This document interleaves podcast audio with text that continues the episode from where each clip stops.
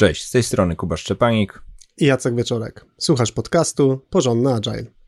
Rozmawiamy o tym, jak pracować zwinnie i jak robić to porządnie. Zapraszamy.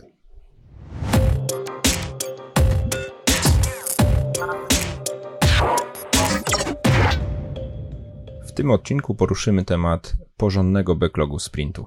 Backlog sprintu to jest e, jeden z artefaktów skramowych, który w mojej ocenie bywa dosyć e, często pomijany. Gdy patrzę na zespoły, gdy dołączam do jakiejś organizacji, w której już wykorzystywany jest Scrum lub Scrum jest wykorzystywany teoretycznie lub tak powiedzmy in the name only, to akurat no, tak e, dosyć często zdarza mi się, że backlog sprintu bywa traktowany przez zespół po macoszemu, jest sobie, żeby był, ale tak naprawdę nikt tego poważnie nie traktuje, lub jest, bo narzędzie nam go automatycznie wygenerowało, ale tak naprawdę nie jest w praktyce dobrze wykorzystywany.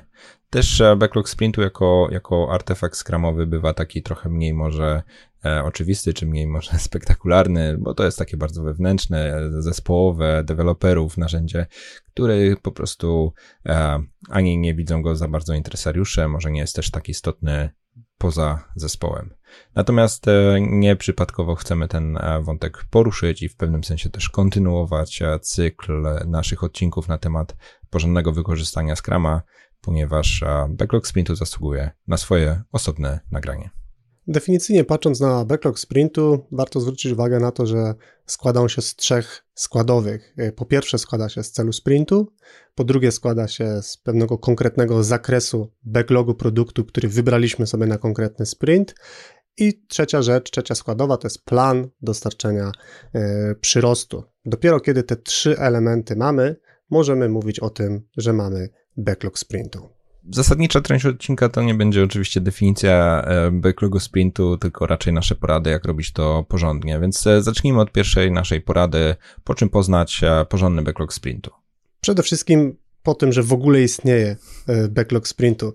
Tak jak Kuba wspomniał, e, używamy różnych narzędzi, e, w sensie zespołu używają różnych narzędzi, to mogą być i narzędzia online'owe, elektroniczne i narzędzia takie nazwijmy to stacjonarne. No i jedna z sytuacji, którą spotykam bardzo często, gdy pracuję z klientami jest taka, że po prostu tego backlogu sprintu nie ma. W sensie jest jakiś backlog produktu, na planowaniu umawiamy się, że coś tam mniej więcej z tego backlogu produktu sobie wybierzemy i zrealizujemy, natomiast no nie powstaje ten, ten fizyczny artefakt, nie powstaje e, backlog sprintu, który byłby reprezentacją tego, co wybraliśmy ze sprintu, mówiłby nam trochę o tym, jaki jest cel, e, no i wyraźnie też pokazywał, jaki jest konkretny plan na to, żeby e, konkretny sprint zrealizować.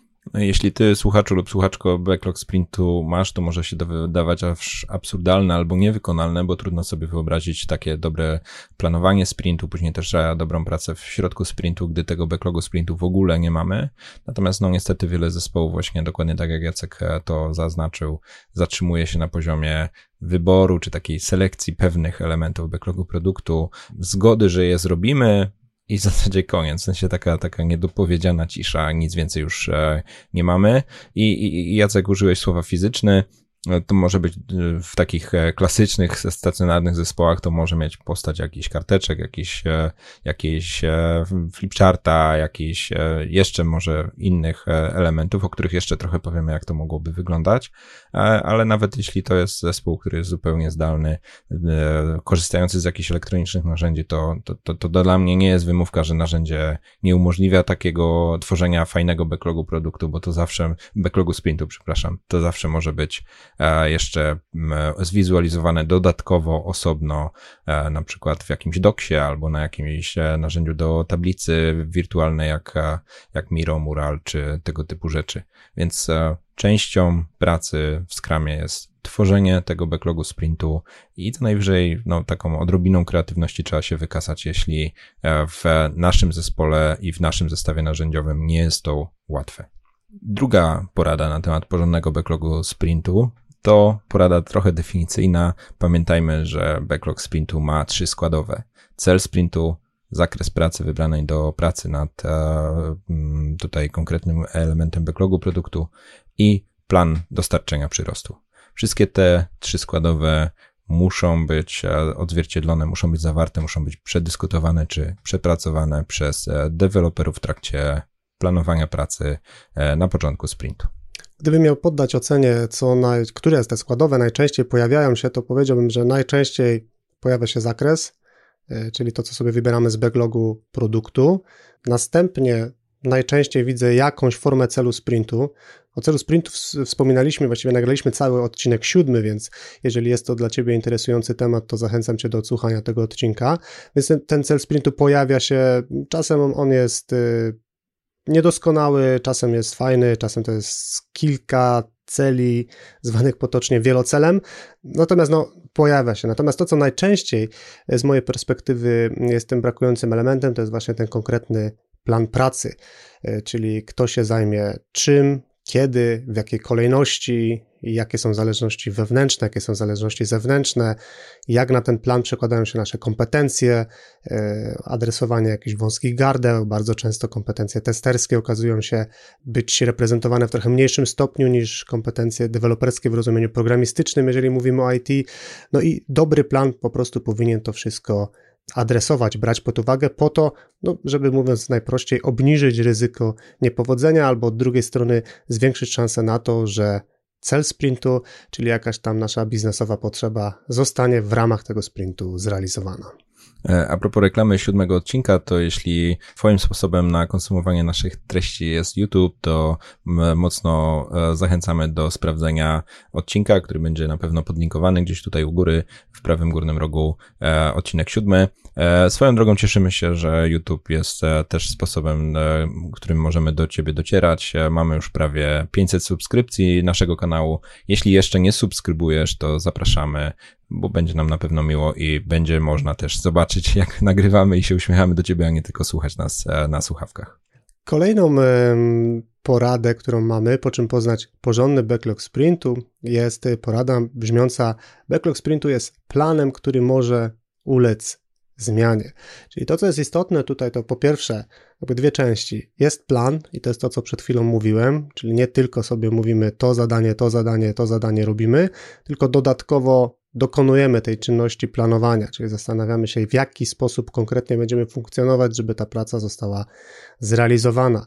Natomiast ta druga część mówi nam o tym, że ten plan może ulec zmianie. Co to oznacza w praktyce? E, bardzo często jest tak, że to, co sobie zespół zaplanuje w ramach planowania sprintu, jest prawdziwe przez jeden, może dwa dni. I bardzo szybko okazuje się, że jakieś zadania okazują się trochę bardziej złożone niż myśleliśmy, e, potrzeba na nie więcej czasu, E, zespół odkrywa jakąś nową wiedzę na temat realizowanej pracy, która powoduje, że trzeba dołożyć jakieś konkretne jeszcze zadanie do backlogu sprintu, żeby zrealizować jakąś, jakiś tam większy kawałek e, pracy. Ktoś niespodziewanie idzie na L4 i tak dalej. Tak więc bardzo szybko się okazuje, że ten plan w tej wersji takiej na koniec planowania sprintu no jest fajnym punktem startowym, ale on na pewno będzie się zmieniał. I to jest coś, co można sobie dać jako punkt refleksji do swojego własnego zespołu, jak to wygląda u ciebie, bo zgadzam się mocno z tym, co Jacek mówi, że te plany zazwyczaj są aktualne tylko przez chwilę. No jeśli nasz backlog sprintu ma ten sam kształt, albo w zasadzie prawie ten sam kształt przez cały sprint, to możliwe, że niestety nie odzwierciedla tej naszej porady o tym, że to jest plan, który ulega zmianie. I być może nasz e, backlog sprintu jest zbyt gruboziarnisty, czyli e, poziom dokładności zejścia do jakichś konkretnych atomowych czynności czy konkretnych działań, które realizujemy jest po prostu niewystarczający. No i, i, i tak daleko jesteśmy odsunięci od naszej pracy, że, że, że, że ten backlog sprintu zupełnie się nie rusza przez cały sprint. Na przykład pracuje nad jednym zadaniem. Może pracuje nad jednym zadaniem, a może tak naprawdę pracuje nad dziesięcioma zadaniami, tylko nie mamy takiego zwyczaju, nie mamy takiego nawyku, albo tak nawet nie myślimy o tym, że backlog sprintu mógłby być w miarę wiernie odzwierciedlający to, jak pracujemy. No i też może jest tak też, że nasze narzędzia albo w ogóle nasz pomysł na backlog sprintu e, nie uwzględnia tego, że ta praca będzie się jeszcze zmieniać. E, czyli tak trochę obrazowo, jeśli nasz backlog sprintu jest zapisany markerem na papierze, to już go będzie bardzo trudno modyfikować, no bo będziemy musieli co najwyżej może wykreślać albo dopisywać. Jeśli nasz backlog sprintu to jest jakieś narzędzie, które bardzo łatwo pozwala na przesunięcie, dodanie czegoś nowego, zaktualizowanie, usunięcie, no to, to, to też e, po prostu bardzo obrazowo pokazuje, że to wszystko e, żyje. I oczywiście użyłem takiego dosyć trywialnego przykładu z tym dodawaniem i usuwaniem, ale myślę, że, że, że ogólna myśl jest taka właśnie, czy nasz backlog sprintu żyje i czy narzędziowo mu pozwalamy na to, żeby żył, czy zwracamy na to uwagę. I zawsze w takich momentach pojawia się w grupie, e, na przykład szkoleniowej albo grupie, którą wspieram taki głos, no ale to jest dodatkowa praca. Tylko, że ja uważam, że tą dodatkową pracę E, nad powiedzmy utrzymywaniem tego aktualizowanego planu trochę przeceniamy, czyli uważamy, że ona jest o wiele e, cięższa niż w rzeczywistości jest, bo to często jest po prostu notatka na boku w parę sekund do zrobienia. Natomiast doceńmy, jak dużą różnicę robi to, że ten plan jest ciągle aktualny. W dowolnej chwili widzę to, co jest w planach, co jest skończone, gdzie jestem, ewentualnie też, że czegoś ktoś nie przemyślał, gdzie są koledzy, z którymi pracuję w zespole. Więc tutaj ta zaleta, czy ta, ta korzyść z tego posiadania aktualnie, aktualnego planu, ciągle aktualizowanego planu jest e, bardzo duża, bo ona nam może pomóc zapobiec ryzykom jakimś niepowodzeń, podnieść prawdopodobieństwo, że uda się osiągnąć ten cel, który jest istotny dla naszego, czy to sprintu, czy też całego produktu. Jeżeli trochę więcej chcesz y, dowiedzieć się, y, czy poczytać, czy posłuchać o, konkretnie o planowaniu sprintu, to mamy oczywiście nagrany już odcinek na ten temat i zapraszamy Cię do odsłuchu odcinka numer 13.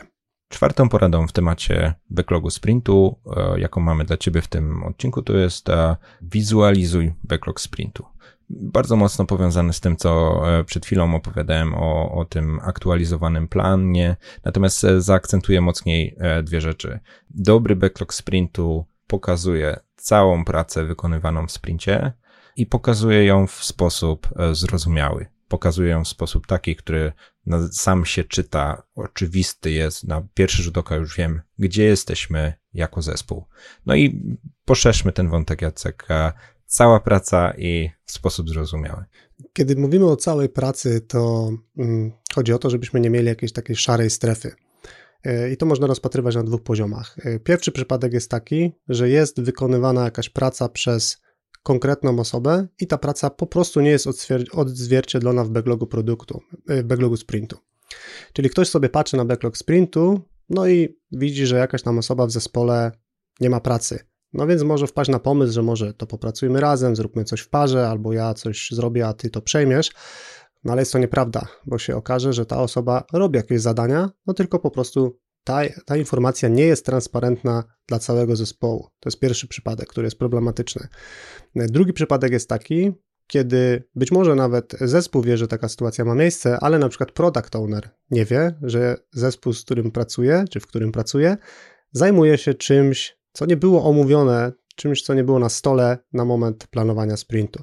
Tak więc oba te przypadki są problematyczne, no bo yy, pojemność zespołu, zdolność produkcyjna zespołu, wszystkie takie aspekty, które są przydatne na etapie planowania, no są w pewien sposób zaburzone. Ktoś jest samotnym żeglarzem na jakimś tam oceanie, robi jakieś zadanie, no ani te inne osoby w zespole nie wiedzą, że to się dzieje, ani ta osoba najczęściej też nie kontrybuje e, do pracy, która została wybrana na sprint, więc jakby to jest cały duży, oddzielny temat, jak bardzo pracujemy zespołowo, a jak bardzo jesteśmy e, indywidualistami, którzy deklarują na planowaniu, że zrobią jakieś konkretne zadanie, e, mówiąc metaforycznie, zakładają słuchawki, kaptur na głowę i po prostu robią to zadanie na koniec, mówią zrobiłem, zrobiłam. Tak więc e, oddzielny temat, może na oddzielny odcinek, niemniej ważne jest to, żeby ta praca, która się dzieje w trakcie sprintu była w transparentny sposób w backlogu sprintu odzwierciedlona. To ma też e, później konsekwencję związaną z usprawnianiem, czyli praca, która jest niepokazana, niewidoczna, nie ma jej w backlogu sprintu, a być może nawet w ogóle o niej nie wiemy jako pozostali członkowie danego zespołu skramowego. E, no ona może być też nieuwzględniana, e, gdy roz, rozważamy, co możemy poprawić w swoim procesie. I niestety to na pewno nie jest, powiedzmy, błędem wszystkich zespołów, jakie widzę, ale widzę zespoły, w których część pracy jest e, niewidoczna i ona też automatycznie jest traktowana jako coś, co nie dotyczy tego skrama. Mimo, że to są ci sami ludzie, ten sam produkt, te same czynności wykonywane, no ale to jest poza backlogiem, czyli też poza e, rozważaniem tematu na przeglądzie sprintu, na też retrospektywie. Więc tutaj jakby weźmy sobie do serca taką raczej zasadę, jeśli nad tym pracuję, no to jest to częścią backlogu sprintu. Jeśli to jest coś, co jest nieprzyjemne, jeśli to jest coś, co wleciało jakoś z boku, może poza product ownerem, tak jak Jacek opowiadał, to to tym bardziej powinno być gdzieś widoczne i wręcz bić po oczach, że coś tutaj nie gra, a nie raczej być traktowane jako coś, co jest tam gdzieś boczkiem, boczkiem sobie przeszło. Ale jest jeszcze ten drugi wymiar, czyli taka wizualizacja jako coś, co się w bardzo łatwy sposób e, interpretuje. E, czyli dobierajmy takie e, sposoby tej wizualizacji, żeby łatwo było zrozumieć każdemu członkowi zespołu skramowego, gdzie jesteśmy, jakie zadania są, w jakim etapie, gdzie jesteśmy względem planu.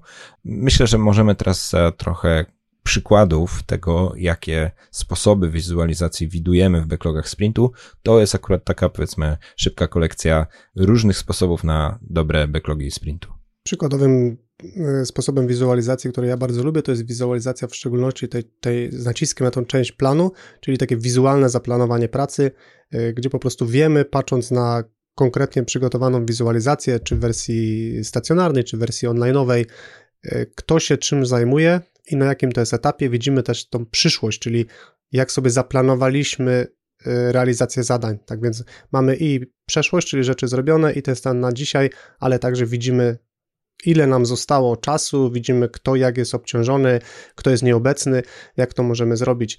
Y, ten temat pokryty jest y, w artykule na portalu AJ247 o planowaniu wizualnym. Umieścimy ten link w podsumowaniu tego odcinka. E, innym rodzajem wizualizacji, którą też bardzo lubię i wiem, że zespoły, które ją stosują, cenią ją, to po prostu jakaś forma reprezentacji, kto nad czym pracuje. To mogą być w takim świecie fizycznym, stacjonarnym jakieś magnesy, czy jakieś takie awatary, że kto jest odpowiedzialny za które zadanie.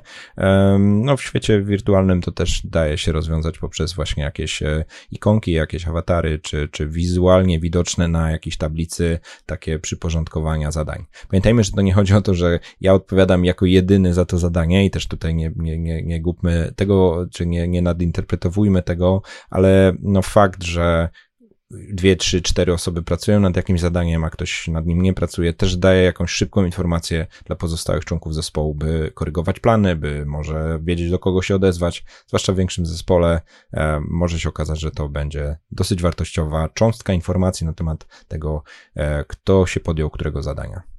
Myślę, że jeszcze takim dodatkowym sposobem jest wizualizacja z takim akcentem bardziej na status prac, czyli trochę mniej może czas plus ludzie, a trochę bardziej takie spojrzenie na proces. No bardzo często zespoły sobie układają ten proces według własnego e, uznania, startując często od takiego klasyka, czyli do zrobienia w trakcie i zrobione. Oczywiście jest to, każdy, kto trochę popracował, wie, że to jest e, niedoskonałe podejście i warto poszukać sobie swojej e, znaczy, no, po prostu swojego procesu, zastanowić się, jakie etapy e, w tym procesie są dla nas istotne i które warto wyszczególnić. Tak więc, e, czy w wersji e, w biurze na, na jakiejś tablicy, czy korzystając z narzędzi takich jak na przykład Jira czy Trello, czy inne dostępne narzędzia, które pomagają ogarnąć pracę wykonywaną w sprincie, jesteśmy w stanie sobie taką e, tablicę wyświetlić i też sporo informacji można z takiej e, tablicy wyczytać. Między innymi, jak na dłoni, najczęściej jesteśmy w stanie zobaczyć, gdzie są wąskie gardła, gdzie praca się blokuje, e, a gdzie z kolei jest spora przestrzeń. I ostatnią rzecz, którą ja bym ze swojej strony dodał y, na temat możliwych e, przykładowych wizualizacji, to jest coś, co już być może wykracza poza taką prostą definicję, to wizualizowanie jakichś ryzyk albo e, problemów czy blokerów, e, może zależności.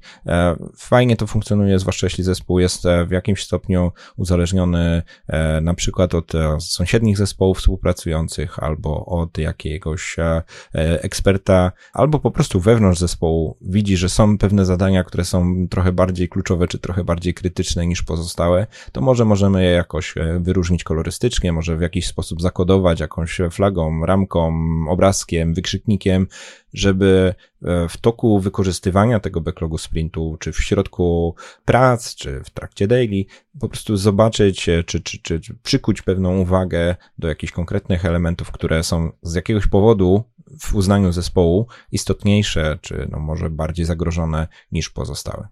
Kolejna porada odnośnie porządnego backlogu sprintu mm, jest taka, żeby używać tego backlogu sprintu zarówno w trakcie codziennych scrumów, jak i w trakcie sprintu. No, jeżeli mamy przygotowany ten plan, no to po prostu szkoda by było go nie e, wykorzystać.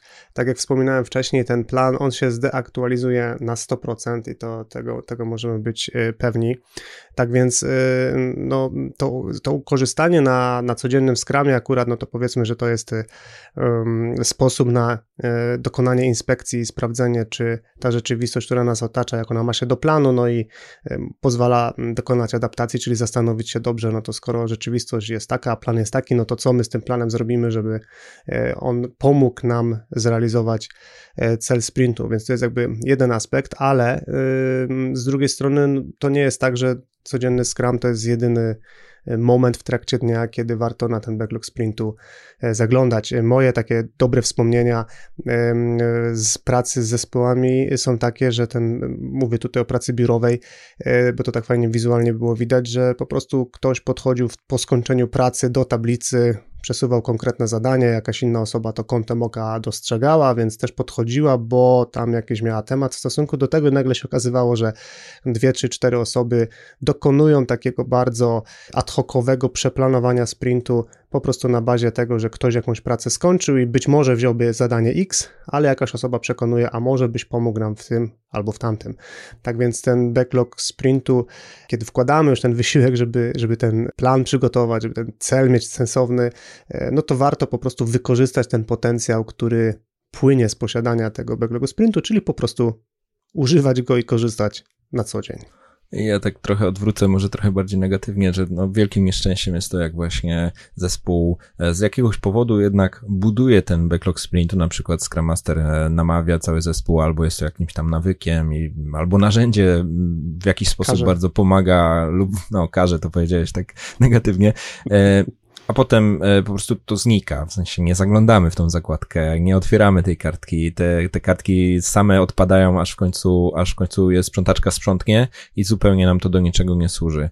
To jest, e, to jest dosyć wyraźny objaw takiego skrama mechanicznego, czyli wykonujemy te czynności, ale tak naprawdę nie wiemy po co. No i akurat planowanie sprintu i tworzenie backlogu sprintu ma pomagać całemu zespołowi, a nie być e, czynnością do odhaczenia, żeby tam zadowolony był jakiś e, biurokrata lub, lub e, mechanik od Scrama. Więc korzystajmy, używajmy próbujmy go używać, jeśli do tej pory go nie użyliśmy, bo to daje ciekawe sprzężenie zwrotne do naszej ostatniej porady, o której za chwilę, że no jak używamy, to będziemy się starać, żeby to było dla nas użyteczne, więc takie trochę jajko i kura. Jak nigdy nie używam, to w sumie mam to w nosie, jak to wygląda. Jak będę używać, to będę o to dbać na etapie planowania i będę też dbać na etapie doskonalenia. I ta ostatnia zapowiedziana porada to jest to, że backlog sprintu musi odzwierciedlać potrzeby zespołu. Czyli w toku kolejnych retrospektyw, kolejnych sprintów, e, które mamy na swoim koncie, mamy jakieś doświadczenia, pozytywne i negatywne, mamy jakieś nieudane próby, mamy niedowiezione sprinty. Wyciągajmy wnioski i zastanawiajmy się też, jak pod tym względem backlog sprintu nam pomaga, albo jak mógłby pomagać, żebyśmy byli jako zespół lepsi. Lepiej komunikować pewne rzeczy, które są dla nas ważne, być może lepiej odzwierciedlać pewne plany pracy, e, lepiej pomagać zidentyfikować, że coś się szykuje niedobrego, wcześniej to wykryć. E, więc tutaj pod tym względem coś, co obserwuję, to to, że zespoły, które długo pracują, też ewoluują ten swój backlog sprintu pod swoje indywidualne potrzeby i to jest bardzo zawsze ciekawa historia, jak wyglądał kiedyś nasz backlog sprintu, jak wygląda dzisiaj i o czym jeszcze myślimy, że moglibyśmy go lekko pod tam rasować, czy lekko zewoluować. Dosłownie czasami o detale, ale to są takie nasze własne detale. No, backlog sprintu to jest kopalnia pomysłów na, na retrospektywę. Patrząc tylko w ten artefakt, y, moim zdaniem można naprawdę mocno usprawnić proces, y, no bo mamy tam i cel sprintu, gdzie jest jakby spore pole do, do usprawnienia. E, jest ta dyskusja o, tym, o tej prognozie zakresu, e, no i przede wszystkim też możemy sobie tam zahaczyć o to, jaki mieliśmy plan, jak to wyszło, e, wyłapywać wszelkie momenty, które są nieefektywne, gdzieś tam za długo czekamy, jakaś praca zbyt długo czeka na, na podjęcie, więc być może momentami to będzie bardziej dyskusja taka z poziomu Lean Software Development, albo może będziemy zahaczać o Kanbana, natomiast tak, to jest właściwy, właściwy kierunek i też jakby czerpanie inspiracji e, z innych miejsc niż tylko Scrum, kiedy spojrzymy na backlog produktu, jest kierunkiem, który osobiście zdecydowanie polecam. Warto na koniec e, dodać, czy może przypomnieć, że, że backlog sprintu to jest e, plan, który jest stworzony przez deweloperów i dla deweloperów. Deweloperów oczywiście w rozumieniu e, skramowym, czyli wszyscy, którzy są e, w zespole. Bardzo często klienci chcieliby, nasi klienci, żeby ich zespoły były e, bardziej samodzielne. Warto zacząć od tego kawałka, warto zastanowić się, czy backlog sprintów faktycznie jest planem zespołowym, czy może jest tak, że ktoś z tylnego siedzenia, jakiś lider czy project manager steruje stworzeniem tego planu przypisuje zadania, nie zostawia przestrzeni na to, żeby zespół e, no, tak naprawdę użył samoorganizacji, żeby taki plan e, przygotować. E, jeżeli zastanawiasz się, co z tym zrobić, jak generalnie wesprzeć zespół w samoorganizacji, to mamy dobrą wiadomość. Kolejny odcinek będzie właśnie o tym, jak wspierać zespół w samoorganizacji, między innymi na przykładzie tego, o czym rozmawialiśmy dzisiaj, czyli samodzielnego planowania pracy, ale nie tylko, tak więc bardzo treściwy i wartościowy odcinek szykuje się w naszej kolejce. A notatki do tego odcinka, artykuł e, na jego bazie, transkrypcję naszej rozmowy, zapis wideo, który rekomendowałem też, znajdziesz na stronie porządnyagile.pl łamane na 71. E, przypomnę też, że polecaliśmy w odcinek na temat celu sprintu, był to odcinek siódmy oraz na temat e, planowania sprintu to odcinek trzynasty.